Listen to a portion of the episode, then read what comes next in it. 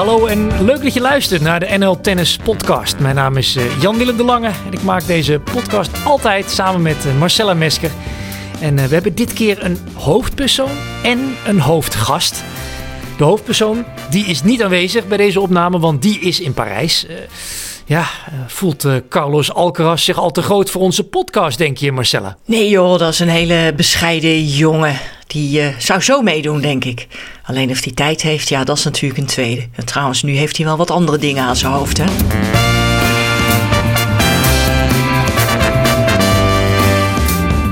Het gaat hard. Het gaat heel hard met uh, Carlos Alcaraz.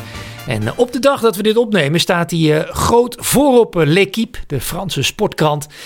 Ja, en daar noemen ze me nu al de hoofdattractie op Roland Garros. En dat uh, nog voor het pensioen van uh, levende legendes als uh, Nadal en Djokovic. Ja, die toch echt gewoon in het schema nog staan in Parijs. Zelfs in dezelfde helft van het, van het schema. En we hebben het dus over Carlos of Carlitos, wat natuurlijk nog veel lekkerder klinkt. Carlitos Alcaraz. En ja, als we het over hem hebben, hij heeft dus al die plek op de 1, zoals dat uh, in krantenjargon wel, uh, wel klinkt. En uh, ja, als je die plek hebt, dan hoor je toch echt bij de, de buitencategorie tennistalenten. 19 nog maar. En we pakken hem er even bij. Zijn rapport, zijn rapport voor dit seizoen tot nu toe. 28 keer gewonnen. Drie potjes verloren maar. 90% van zijn wedstrijden gewonnen in totaal. Onderweg pakte hij twee Masters 1000 toernooien. Ja, het is allemaal duizendwekkend. Twee keer een ATP 500 toernooi. En hij won, dat vind ik ja, zelf in ieder geval nog wel het meest indrukwekkend, acht van zijn afgelopen negen duels tegen top 10 spelers. Hij is al met al tot nu toe de beste speler van dit jaar met vier toernooizeges. In deze podcast gaan we deze diamant van een speler proberen af te pellen. Want wat maakt hem nu zo goed? Is hij wel zo goed? Of is hij momenteel gewoon een hype in een ja, best wel rommelige tijd aan de wereldtop? Al klinkt dat natuurlijk een beetje geforceerd naar alles wat hij de laatste maanden heeft gepresteerd. We gaan ook kijken naar uh, welke verschillen en overeenkomsten er zijn met bijvoorbeeld Nadal, natuurlijk, zijn legendarische landgenoot. Maar ook met de Zweedse superster uit het verleden, Björn Borg, Mats Wielander. Mannen die als teenagers beide hun eerste Grand Slam titel op Roland Garros veroverde. Ja, dat past natuurlijk heel mooi bij het toernooi dat eraan zit te komen. Ja, en eh, deze aflevering, eh, dat eh, pakken we natuurlijk met elkaar aan, Marcella. Maar ook met een hele bijzondere gast. Niemand minder dan jouw eigen echtgenoot Martin Boom. Geboren Zweed, internationaal topcoach. Ja, en daar horen namen bij als Enquist, Kulti, Larsson, Tilstroom. En ja, dat was allemaal in de tijden van, van Krajcek en co. Hij was voormalig bondcoach van Nederland en nu nog werkzaam bij Burgersdijk Tennis in Wateringen. Dat komt zo. Laten we eerst beginnen met een paar korte stellingen. En Carlos Alcaraz is even kritisch onder de loep nemen om daarna zijn spel te ontleden. En ik begin met jou, Marcella. We zetten het lekker scherp neer. Stelling 1. Alcaraz is een hype. Hij heeft nog geen top Nadal of top Djokovic verslagen. En hij profiteert vooral van wisselvalligheid bij de wereldtoppers. Ja en nee moet ik daarop uh, antwoorden. Ik weet als ik naar hem zit te kijken, en Martin toevallig ook, en we liggen lang uit op de bank en we bespreken zijn spel, dan um, zeg ik tegen Martin: Ja, is die nou wel zo heel goed? Gaat hij het volhouden? Ja, dan hoor ik Martin zeggen: Ja, hij is toch wel heel bijzonder. En ja, later in deze podcast uh, zullen we Martin daar nog uh, uitgebreid over horen. Volgende stelling. Alcaraz was dan misschien wel de aandachttrekker tijdens het gravelseizoen. Hij is zeker geen topfavoriet voor de titel op Roland Garros. Hij behoort wel bij de top drie, want uh, mijn volgorde voor de titel zijn Djokovic, Nadal, Alcaraz en dan Tsitsipas. Kort maar krachtig. De volgende. We lezen overal dat Alcaraz een combinatie is van de talenten, de kwaliteiten van de grote drie. Maar dat is nogal overdreven. Hij zal eerst de groep Medvedev, Zverev, Tsitsipas op vaste basis moeten verslaan... voordat we überhaupt mogen beginnen met vergelijken met de grote drie. De grote drie kan je eigenlijk met niemand eh, vergelijken. Dat is toch wel een ander kaliber. Maar we kunnen hem wel vergelijken met Medvedev, Tsitsipas en Zverev. Ja, en dan vind ik dat hij toch nu al iets meer in zijn mars lijkt te hebben. Want ik zie geen zwakke punten, geen gaatjes in zijn spel. En ja, die andere jongens hebben dat soms wel. Sluiten we af met de volgende. Zowel Zverev als Djokovic hebben Alcaraz al de beste speler ter wereld genoemd. Maar de beste spelers ter wereld, ja, die staan toch echt op tijdens Grand Slams. En niet tijdens een graveltoernooi op hoogte, zoals in Madrid. Ja, lekker hoor. Iemand anders uh, favoriet maken. Heel verstandig. Dat vinden die uh, grote namen natuurlijk alleen maar prettig. Onder de radar tennissen. Laat Alcaraz uh, maar lekker op alle voorpagina's van de kranten staan. Dat is lekker tennissen. Ja, best of five is natuurlijk ook wel wat anders. Maar ik geloof toch dat de jonge Spanjaard alles in huis heeft om bij dit Grand Slam zijn beste tennis te laten zien. Mooi Marcella, je doet gewoon nog even een schepje bovenop, hè, boven alles wat hij al te horen krijgt van iedereen. Tijd om verder in te zoomen op het spel van Alcaraz. Ik zou zeggen, eh, Martin, zet je microfoon maar aan als dat nog niet het geval was. Mooi dat je, ja, dat je aanschuift uh, bij ons vanaf, de, vanaf jouw eigen bank uh, in Den Haag. Uh, ja, ik ga maar gewoon beginnen. Wat maakt deze Alcaraz zo bijzonder volgens jou? Zo bijzonder en, en ja, iedereen heeft het wel over, maar wat, wat is jouw visie op hem? Om te beginnen, op zijn techniek. Uh, hij is natuurlijk één bunker power. Hij is fysiek ontzettend sterk. Uh, een fantastisch werkethiek. Uh, niet alleen nu, maar door zijn hele jeugd heeft hij ontzettend goed en hard gewerkt. hij heeft Juan Carlos Ferrero als coach. Dus hij is volledig top opgeleid door een Grand Slam winnaar. Kun je dat ook zien? Ja, uh, ik, ik zit te kijken uh, hoe hij speelt. Uh, iedereen praat over zijn voorhand. Maar ik wil wel beginnen met zijn backhand. Zijn backhand cross is fantastisch. daarom komt hij makkelijker naar zijn voorhand toe. Hij beweegt fantastisch zonder bal.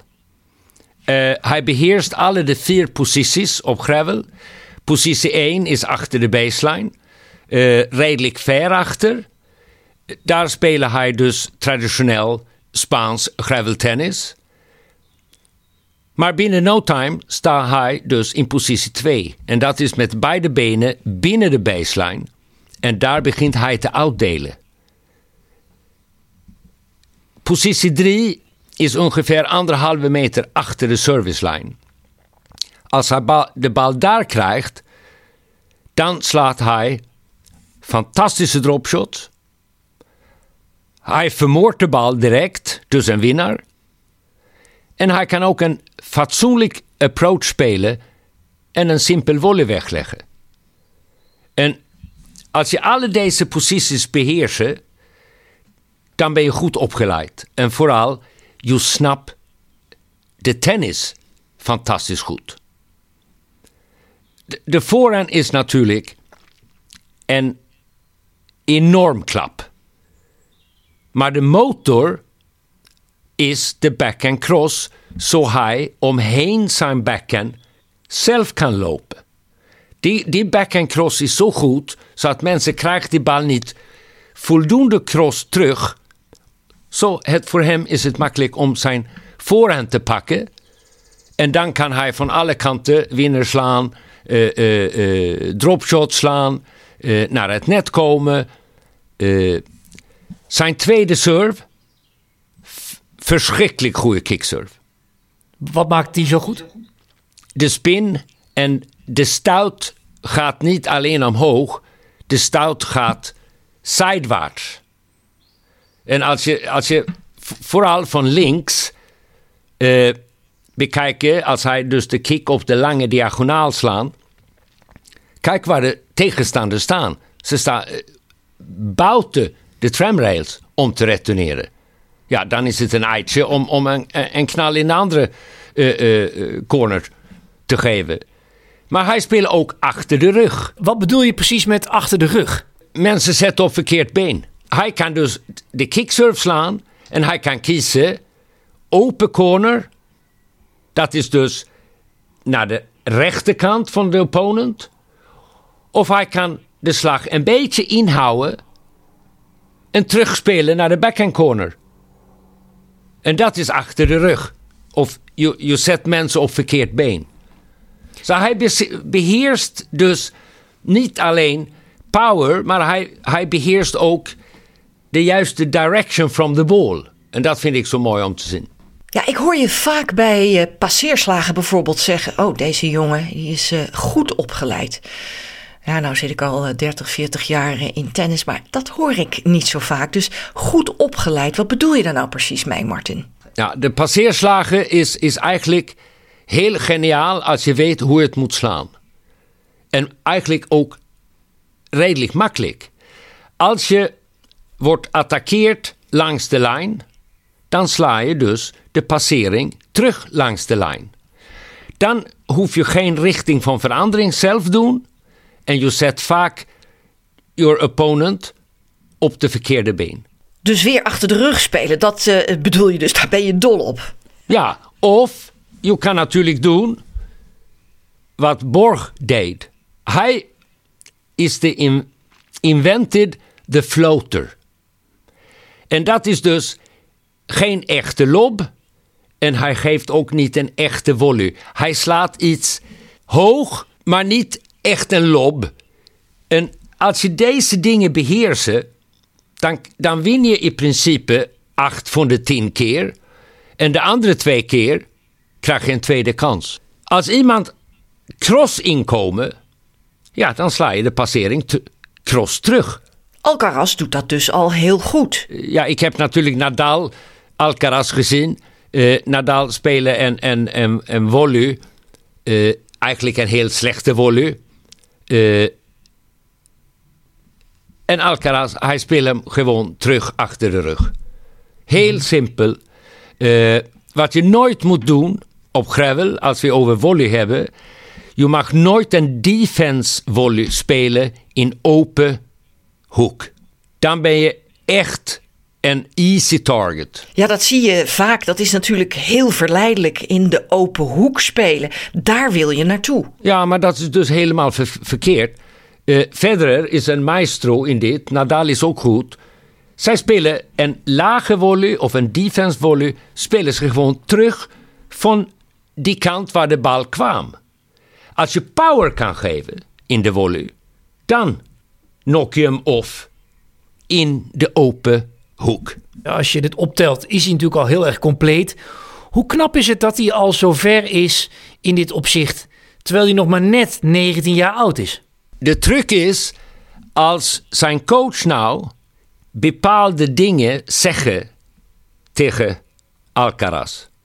In die situatie moet je dit doen, in die situatie moet je dat doen. Ja, maar er zijn toch meer 19-jarigen.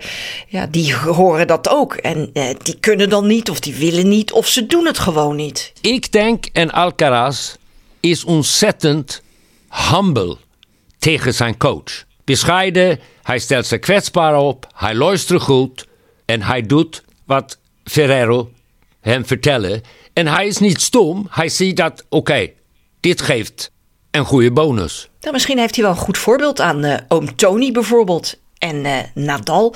Want uh, ja, Tony zei altijd: ja, jongen, je moet zo spelen en luisteren. En Nadal deed dat gewoon.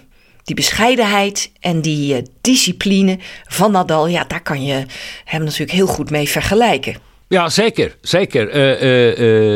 we, gaan ook terug, we gaan ook terug naar, naar een andere Grand Slam winnaar waar je, waar je het over had, Wilander. Mats Wilander.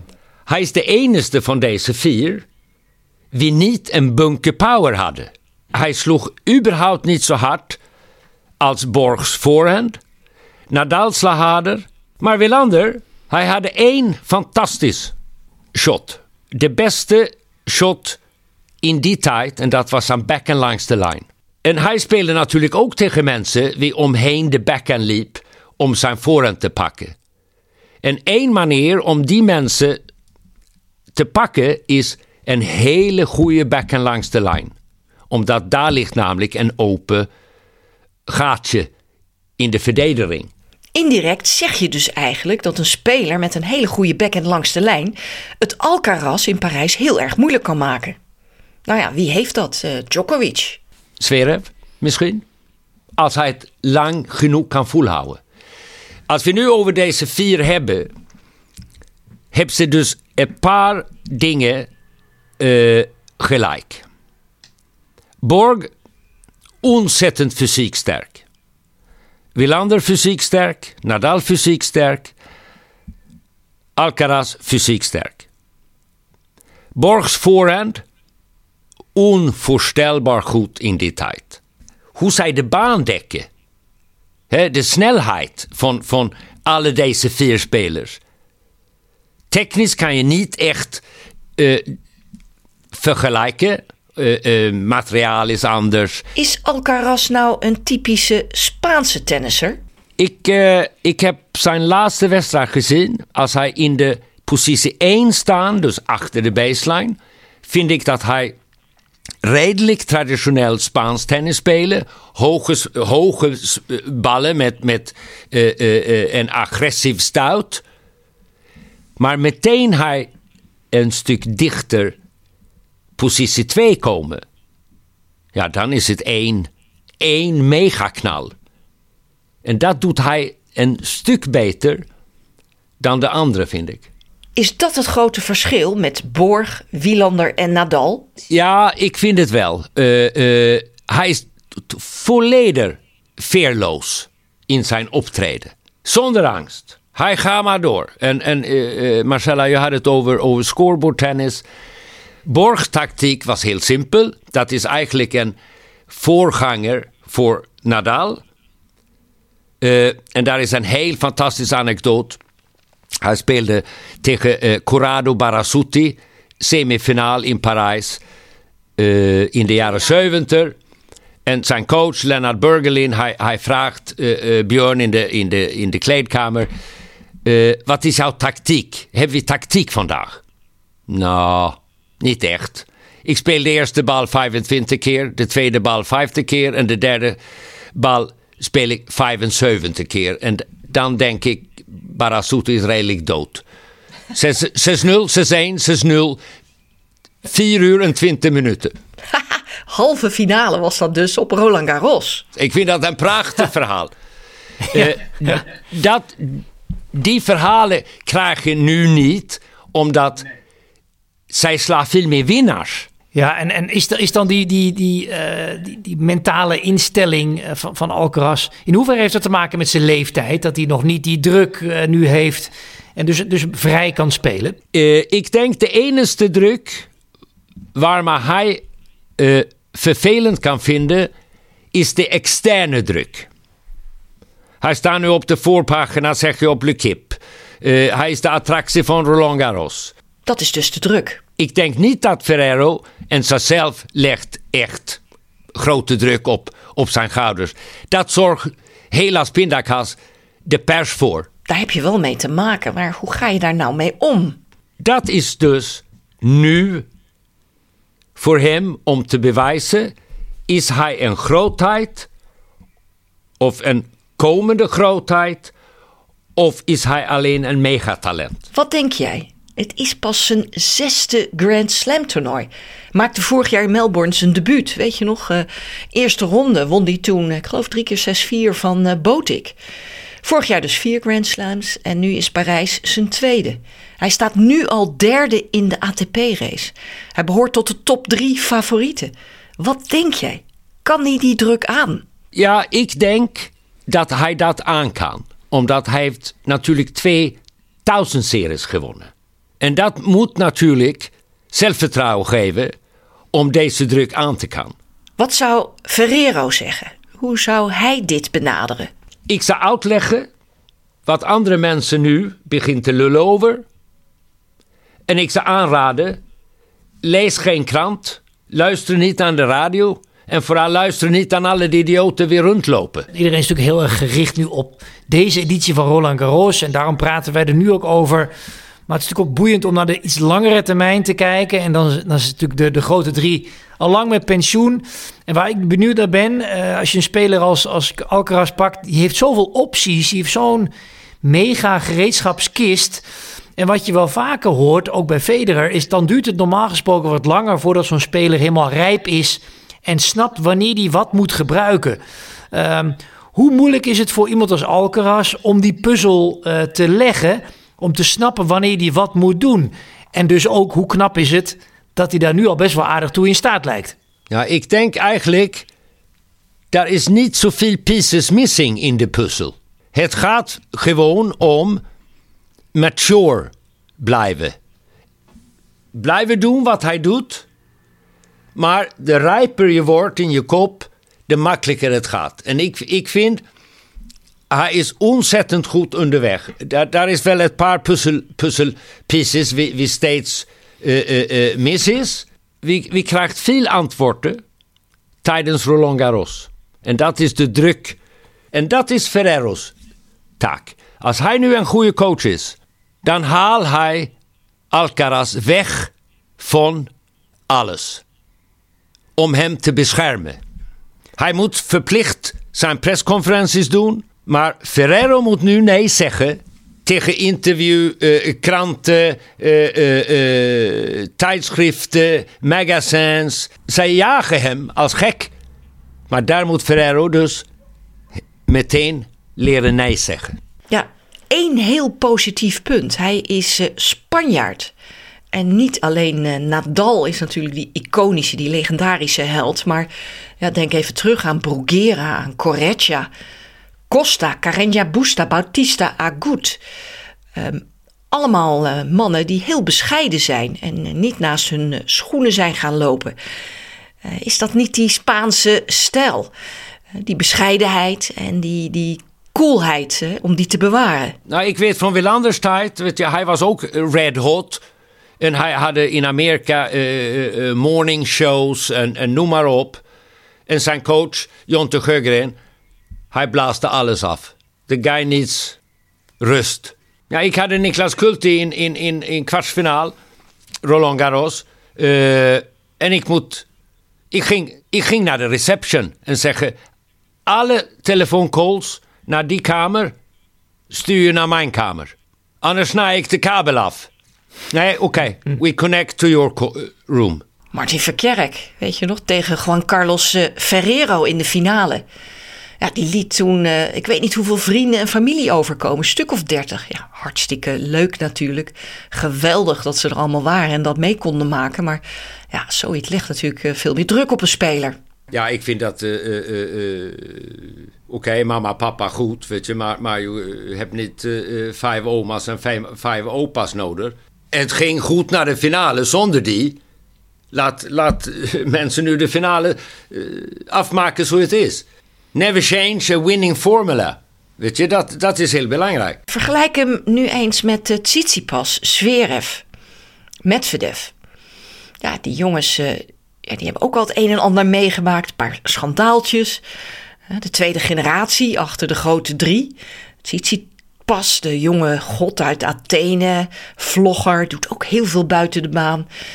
die Alcaraz is toch wel een heel ander type. Ik, ik vind dat hij is ontzettend comfortabel in wat hij doet. Daarom kan hij genieten van wat hij doet.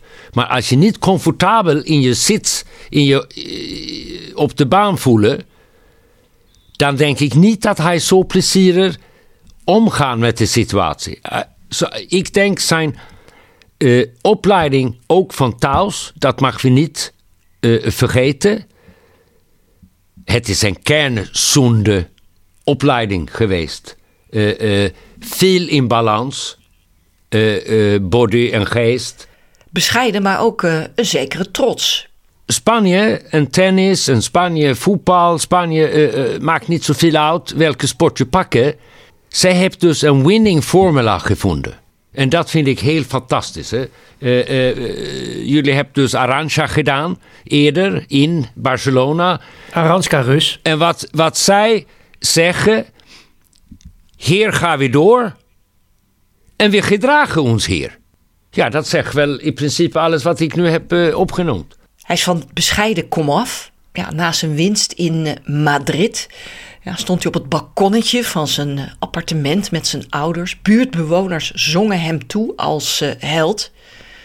Ja, en uh, in Spanje hebben ze die winnende formule en die trots die ze ja, op hun sporters die succes hebben afbeelden. Ik denk trouwens wel dat het de laatste keer is geweest. Want ik las dat hij eh, inmiddels het stuk grond achter dat appartementencomplex heeft gekocht om zijn eigen huis te laten bouwen. We moeten er nog heel even van genieten van dat alles zo mooi klein is. Want alles wat hij dit jaar haalt, zal hij volgend jaar ook minimaal willen halen. En als dat een keer niet lukt, dan wordt het natuurlijk sowieso alweer een ander verhaal. De komende twee weken zullen we meer weten. Wat je nu zegt over volgend jaar.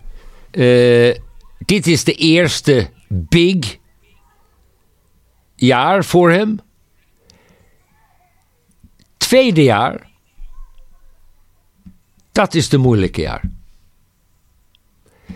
Elke coach weet hoe hij speelt, elke coach heeft hem gezien. Uh, dit is soort, dit is voor hem een honeymoon.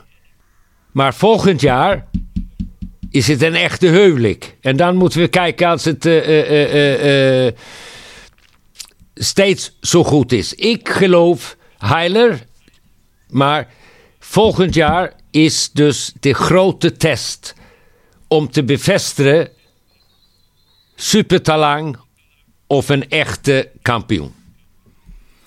Nou, het is alsof je uh, wist wat we wilden gaan vragen, Martin. Heel mooi, want het is een mooi bruggetje naar de Nederlanders. Botik van de Zandschulp, Tellen Griekspoor, die natuurlijk op dit moment in hun tweede jaar zitten. Iedereen heeft ze vorig jaar zien spelen. Uh, ze klommen op, niet zo hard als Alcaraz, maar wel een hele mooie sprong gemaakt natuurlijk allebei. Uh, allebei uh, dik in de top 100 terecht te komen. Botik inmiddels natuurlijk zelfs geplaatst op Roland Garros. Toch nog even meenemen de voorspelling van hun prestaties in Parijs. Wat verwacht je van, van die twee, Martin? Ja, beginnen met Botik. Als ik hem zie spelen, heeft hij iets wie heel weinig spelen hebben. Hij heeft altijd tijd over. Vind ik ontzettend knap. Dat is een combinatie door uh, anticipation, skills en snelheid. De enige wie hem lastig kan vallen, dat dat is eigenlijk zijn eigen hoofd. Zeg je daarmee dat hij het eigenlijk in eigen hand heeft? Ja. Wij hadden altijd een saying in Zweden. De coach kan jou guiden naar top 100. Als je top 100 bereikt, ligt het aan de speler als het 60, 50, 40, 30 of 20 wordt. Dat moet de speler zelf echt bepalen. Uh, Talon vind ik ook een hele goede speler. Uh, hij genereerde niet zo makkelijk power als een Botik doet. De jaar begon wel een beetje up en down voor hem. Uh, goed genoeg nu een, een kwartsfinale in, in Geneva. dat is wel een goede generaalrepetitie voor, voor Roland Garros. Maar ik, hij heeft het een klein stuk moeilijker misschien dan een Botik. Dankjewel uh, Martin. En uh, je betrokkenheid bij het Nederlands tennis uh, spat er nog vanaf. En ondertussen ben je op dit moment volgens mij ook nog hartstikke druk bezig met Eredivisie Heren. Eredivisie gemengd voor Leimonias. Dat, dat nu echt, echt gaat losbarsten. en ja, als ik dit zo hoor, schuif vooral nog eens aan als je, als je zin hebt bij Marcella. Ik wilde ter afsluiting nog één citaatje meepikken. Dat was van Pepe Imas oud-prof uit Spanje. Niet eentje die net voorbij kwam, want zo goed is hij nooit geweest. Tegenwoordig is hij spiritueel coach. Niet helemaal onomstreden. We kennen allemaal zijn, uh, zijn zaakjes met Djokovic. Maar toch, die Imas die zei zeven jaar geleden tegen de vader van de toen twaalfjarige Carlos Alcaraz het volgende. Carlos, jouw zoon straalt een heel bijzonder licht uit. Hij is als een engel hij heeft een aura en je zult het niet moeten belemmeren. Soms begrijp je niet alles, maar laat de dingen gebeuren. Je zult goed op hem moeten passen. Bescherm hem en doe dat licht niet uit. Hij heeft zijn eigen licht. Het is uniek en het gaat schijnen. Einde citaat. Doe ermee wat je ermee doen wilt. De afgelopen maanden is in ieder geval duidelijk geworden dat we hier te maken hebben met een talent dat we mogen koesteren, denk ik.